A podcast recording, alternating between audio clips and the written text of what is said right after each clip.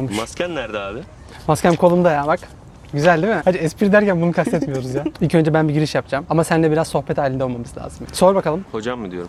Hayır yani direkt Ubeydullah diyebilirsin. Ubeyd de diyebilirsin. Sor bakalım bu videoda ne anlatacağız? Bu videoda ne anlatacaksın? Bu videoda vekalet savaşlarından bahsedeceğiz. Vekalet savaşları nedir? Ee, neden özellikle içinde yaşadığımız dönemde ve bölgede vekalet savaşları bu kadar yoğunlaştı? Bu sorulara cevap vermeye çalışacağız.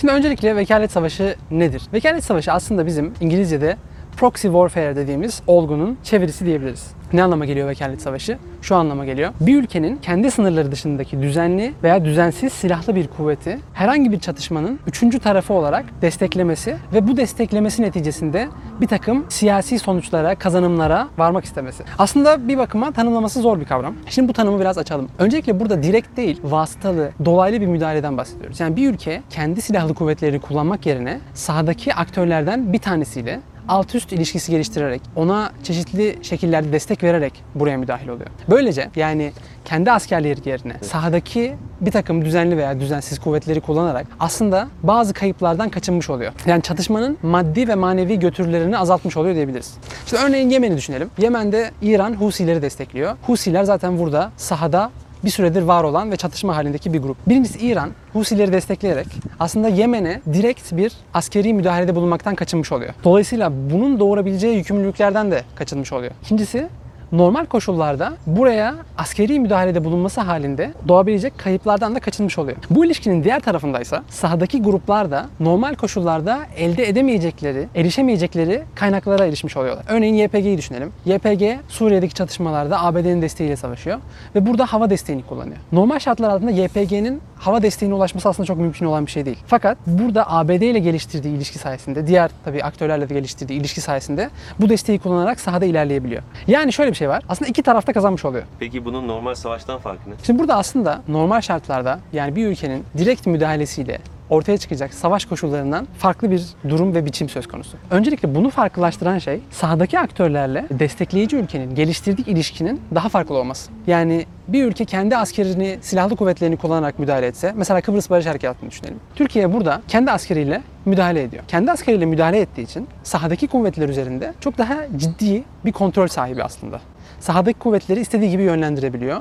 Buna karşılık sahada gerçekleşen olayların, adımların, hamlelerin sorumluluğunu da aslında üstlenmiş oluyor. Ama vekalet savaşında tam olarak böyle bir durum söz konusu değil. Yani biraz daha gevşek bir ilişki var. Destekleyen aktör her zaman sahadaki aktörü kontrol edemeyebiliyor. Bazen çatışabiliyorlar. Bazen taraf değiştirmeler olabiliyor. Ve tabii ki buna karşılık sahada yaşanan her şeyin sorumluluğunu da üstlenmek durumunda kalmıyor destekleyen aktör. Burada genellikle destekleyen aktör bir ülke oluyor. Desteklenen sahadaki kuvvetse non-state dediğimiz yani ülke dışı özel bir şirket olabilir. Sahadaki düzensiz gruplar olabilir. Böyle kuvvetleri destekliyorlar. Destekleyen aktör uluslararası kuruluş da olabiliyor mu? Destekleyen aktör uluslararası kuruluş, uluslararası değildi. Mesela ulus aşırı gruplar oluyor. Yani Hizbullah mesela Yemen'deki Husilere eğitim veriyor. Ya aslında garip bir durum söz konusu oluyor burada. Çünkü destekleyen aktör de aslında tam olarak bir ülke değil yani. Ülke değil tabii ki. Ulus aşırı bir e, silahlı grup ve artık kendi proksilerini geliştirmeye başlıyor. Mesela IŞİD Afrika'da kendi proksilerini oluşturacak şekilde kendinden farklı silahlı grupları desteklemeye başlıyor. Bunlar da aslında proksi ilişkilerine yakın şeyler yani. Yani önemli olan şu aslında burada. Geleneksel anlamda ittifak ve müdahale anlayışından ve yaklaşımlarından farklı bir durum söz konusu. Şimdi burada şöyle bir problem var. Vekalet savaşı şeklindeki çeviri bazen şöyle bir algıya sebep olabiliyor. Sahadaki aktörlerin kendilerini destekleyen ülkenin vekiliymişçesine hareket ettiğini, yani onun çıkarlarını temsilen yalnızca hareket ettiği gibi bir yanlış anlaşılmaya sebep olabiliyor. Aslında burada çok daha gevşek ve karmaşık bir ilişki söz konusu. Yani kim kimin vekili, kim kimin çıkarını savunuyor aslında tam her zaman fark edemeyebiliyoruz. Mesela YPG ile ABD'nin ilişkisini düşünelim. ABD burada YPG'yi destekliyor. Aslında YPG'nin sahada bu destek olmaksızın olamayacağı kadar kuvvetli olmasını sağlıyor. Ama diğer taraftan şöyle de bir şey var. Aslında YPG de ABD'nin oradaki petrol kaynaklarına erişimini sağlamış oluyor. YPG oraya ele geçirdiği zaman Amerikan şirketlerinin oradaki petrol kaynaklarına erişimi kolaylaşmış oluyor. Şimdi dolayısıyla uluslararası arenada baktığımız zaman şöyle bir durum ortaya çıkıyor. Burada YPG mi ABD'nin çıkarlarını savunuyor yoksa ABD mi YPG'nin çıkarlarını savunuyor? Tam olarak birbirinden ayrıştırılabilir olmuyor her zaman.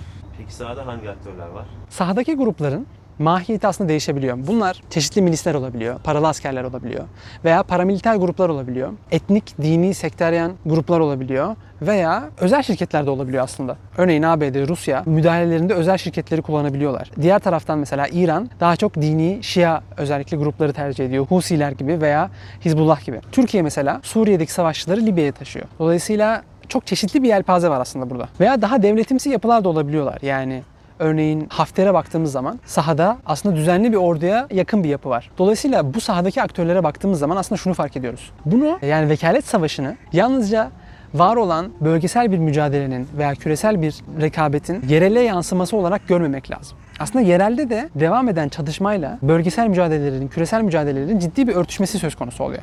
Örneğin Yemen'e baktığımız zaman Husiler zaten burada uzun süredir olan bir grup. Hizbullah mesela zaten aslında yerel dinamiklerle ilgili bir grup. Yerel dinamikler üzerine bina olan bir grup.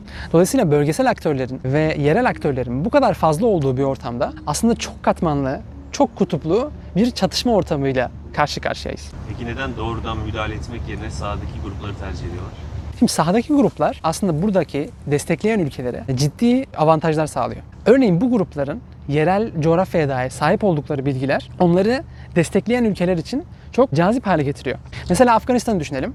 Afganistan'da ABD Sovyetlere karşı Afgan mücahitleri destekliyor. Ve burada bir gerilla savaşı var. Yani gerilla savaşında aslında oradaki coğrafyayı bilmek, yereli bilmek çok önemli bir hale gelebiliyor. Ve oradaki yerel gruplar, yerel düzensiz kuvvetler aslında bu avantajı sağlamış oluyor destekleyen ülkeye. Vekalet savaşını aslında cazip hale getiren şeylerden bir tanesi de var olan çatışmanın belirli bir bölgeye, belirli bir yerele sığdırılması orayla sınırlandırılması. Yani iki şeyi kastediyorum bundan. Birincisi öncelikle savaş coğrafi olarak kısıtlanmış oluyor. Çatışma kısıtlanmış oluyor. Sınırlanmış oluyor yani. İkincisi ise savaşın sorumlulukları da uzaklaştırılmış. Çatışmanın sorumluluklarından kaçınılmış oluyor. Fakat vekalet savaşları bir bölgeye yoğunlaşırken aslında aynı zamanda coğrafi olarak daha geniş bir çatışmadan çok daha yoğun, kesif bir mücadeleyi beraberinde getiriyor. Örneğin Libya'ya bakalım. Libya'daki savaş coğrafi olarak kısıtlanmış bir savaş. Yani Mısır'a çatışmalar sıçramıyor veya işte Tunus'a sıçramıyor. Bir taraftan böyle yani sıcak çatışmanın sıçramamasından bahsediyorum elbette. Diğer taraftansa yereldeki çatışma aslında çok yoğun, çok ciddi bir savaşçı ve mühimmat ve silah yığılması var bu bölgede. Şimdi bu bölgeye müdahale eden mesela Fransa burada Hafter'i destekliyor. Fransa bir taraftan sıcak çatışmanın kendisini direkt etkilemesinden kurtulmuş oluyor. Diğer bir taraftansa buradaki çatışmanın sorumluluklarını da yüklenmemiş oluyor. Yani kimse Fransa'ya buradaki çatışmaya direkt kendi askeriyle müdahale etmişçesine bir muamele yapmıyor. Hal böyle olunca savaş, gerilim taraflara arzu ettiklerinden fazla zarar verecek şekilde yükselmeden çatışmanın süresi uzatılmış oluyor. Örneğin Fransa ile Türkiye'yi düşünelim. Bu iki aktör Libya üzerinde bir rekabet halinde. Libya üzerindeki rekabet aynı zamanda Doğu Akdeniz'deki bir rekabet de anlamına geliyor. Fakat buradaki çatışma çok uzun soluklu bir halde devam edebiliyor ve bu bölgeye sınırlanmış olarak devam ediyor. Peki vekalet savaşlarına eskiden bu kadar rastlamıyorduk. Şimdi neden bu kadar yayıldı? Şimdi bunun aslında sebeplerini iki temel kategoride değerlendirebiliriz bence. Birincisi yalnızca bizim bölgemize özel olmayan sistemik gelişmelere bağlı ve teknolojik değişimlere bağlı sebepler. İkincisi ise biraz daha bizim bölgemize has adım adım bu bölgenin daha da silahlanmasını ve vekalet savaşlarına müsait hale gelmesiyle ilgili sebepler. Birincisine baktığımız zaman şunu göreceğiz. Yani aslında buradaki önemli faktörlerden bir tanesi bilginin ve teknolojinin özellikle 80 sonrasında giderek daha erişilebilir hale gelmesi. Yani şunu görüyoruz. Bölgesel aktörler de artık Soğuk Savaş döneminin aksine ciddi teknolojik silahlara ve yıkım potansiyeli yüksek silahlara sahip olabiliyorlar. Örneğin Birleşik Arap Emirlikleri Libya'da drone savaşına katkı sağlıyor. Veya Türkiye dronlarla müdahale ediyor. Soğuk Savaş döneminde aslında böyle teknolojik olarak en üst seviye, en ileri seviye silahlar bölgesel aktörler tarafından bu kadar yaygın bir şekilde kullanılabilir halde değildi. İkincisi devletlerin bu teknolojik silahlar ve kaynaklar üzerindeki tek elini kaybetmesiyle ilgili giderek bir durum var. Yani ulus aşırı gruplar, mesela IŞİD gibi, Hizbullah gibi veya başka gruplar, Husiler gibi, Husiler tam ulus aşırı değil ama devlet dışı gruplar diyelim. Devlet dışı grupların da aslında artık bu çeşit teknolojiyi ileri teknoloji silahlara sahip olabildiğini görüyoruz. Şimdi ikincisi yaşadığımız bizim içinde olduğumuz bölgeyle ilgili bir takım dinamiklere dikkat edersek yani Akdeniz çevresi, Karadeniz çevresi ve Körfez'in özelinde bakacak olursak konuya. Burada yani genel anlamda şunu söyleyebilirim. Aslında 80'lerden itibaren yani İran devrimi, ondan sonra Afganistan'daki savaş, Körfez Savaşı, Filistin özelinde gerçekleşen İsrail ve diğer ülkeler arasındaki ve Hizbullah arasındaki gerilim ve çatışmalar aslında adım adım bölgesel bir silahlanma, bölgedeki bütün aktörlerin adım adım silahlanmasıyla birlikte bu noktaya geldiğimizi söyleyebilirim. Elbette tabii sistemik faktörler de var. Yani çift kutuplu bir dünyadan çok kutuplu bir dünyaya geçişimiz de biraz buna sebep oluyor. Dolayısıyla özellikle bizim bölgemizde Soğuk Savaş döneminin bitip ardından başlayan dönem yeni aktörlerin, bölgesel ve küresel yeni aktörlerin yükselişe geçmesi vekalet savaşlarının mahiyetini değiştirdi diyebiliriz. Soğuk Savaş döneminde nasıldı? Vekalet savaşları aynı mıydı?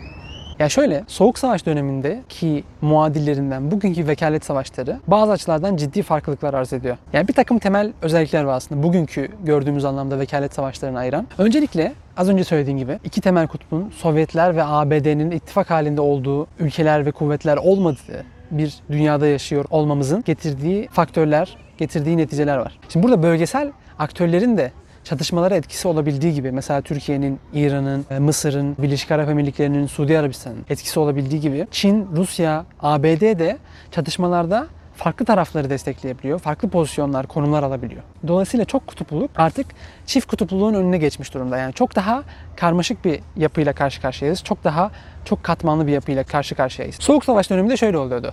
İki aktör, işte Sovyetlerle ABD belirledikleri yerel kuvvetleri destekliyorlardı. Bunun karşısında işte bu iki aktörün desteklediği kuvvetler çatışıyorlardı. Ama az önce bahsettiğim teknolojik gelişmeler, globalleşme, küreselleşme ile birlikte ulus aşırı gruplarda mesela IŞİD gibi gruplar, YPG gibi gruplar finansal olarak çok daha özgür bir şekilde çeşitli kaynaklara erişebilir hale geldiler. Dolayısıyla artık vekalet savaşlarının da devlet merkezli bir olgu olmaktan çıktığını görmekteyiz yani. Sahadaki düzensiz gruplar kendi ikmal hatlarını oluşturabiliyorlar. Kendi proxilerini destekleyebiliyorlar. Örneğin IŞİD mesela bunu yapıyor. Hizbullah bunu yapmaya çalışıyor. Çeşitli gruplar bunu yapmaya çalışıyor. Ve bu şekilde farklı bölgelere derinlemesine müdahale etmeye gayret ediyorlar. Bununla birlikte farklı bölgelerdeki çatışmaların da birbiriyle direkt irtibatlı hale geldiğini görüyoruz.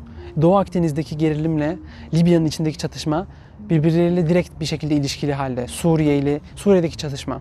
Hakeza. Şimdi bu düzen neyi beraberinde getiriyor? Şunu getiriyor. Yalnızca devlet merkezli analizler buradaki e, karmaşık yapının potansiyelini bize tam olarak gösteremeyebiliyor. Yani buradaki özel şirketlerin, çeşitli milis grupların, paramiliter grupların e, getirdiği yeniliği tam olarak bize gösteremeyebiliyor. Ve buradaki proxy kuvvetler e, çatışmaların angajman kurallarını, angajman normlarını ve çatışmanın karar alma süreçlerini aslında çok ciddi bir şekilde değiştiriyorlar. Örneğin Suudi Arabistan'daki bu Aramco tesislerine Husilerin yaptığı saldırıyı düşünelim. Normalde İran kendisi böyle bir saldırı yapmış olsa çok daha farklı sonuçlar doğurabilirdi bu durum. Halbuki Husilerin böyle bir saldırıyı yapması bambaşka bir durumu beraberinde getiriyor. Öncelikle buradaki ülkelerin bu tehditleri göz önüne alıp bunlara dair yeni önlemler geliştirmesi gerekliliğini işaret ediyor. İkincisi ülkelerin dışarıya müdahalelerinde çok daha farklı bir karar alma yelpazesinin, karar alma mekanizmasının ve seçeneklerinin ortaya çıktığını bize gösteriyor aslında. Yani vekalet savaşları önümüzdeki dönemde de muhtemelen e, belirli bir bölgeye müdahale etmenin temel araçlarından birisi olacak bu çeşit ilişkiler. Yani neticede bu biraz soğuk bir konu çünkü bu olayın bir tarafı da her zaman aslında yerelde savaş sürerken orada yaşanan sivil kayıplar, e, insani durum aslında her zaman bunun bir parçası oluyor yani. Bunun belki de diğer tarafı diyebiliriz. Bir soruyla kapatalım o zaman. Siz ne düşünüyorsunuz? Yani proxy savaşları, vekalet savaşları bu şekilde devam edecek mi? Acaba bölgemizde buna bir çözüm üretilebilir mi? Yoksa 10 yıllarca böyle mi devam edecek acaba bu durum?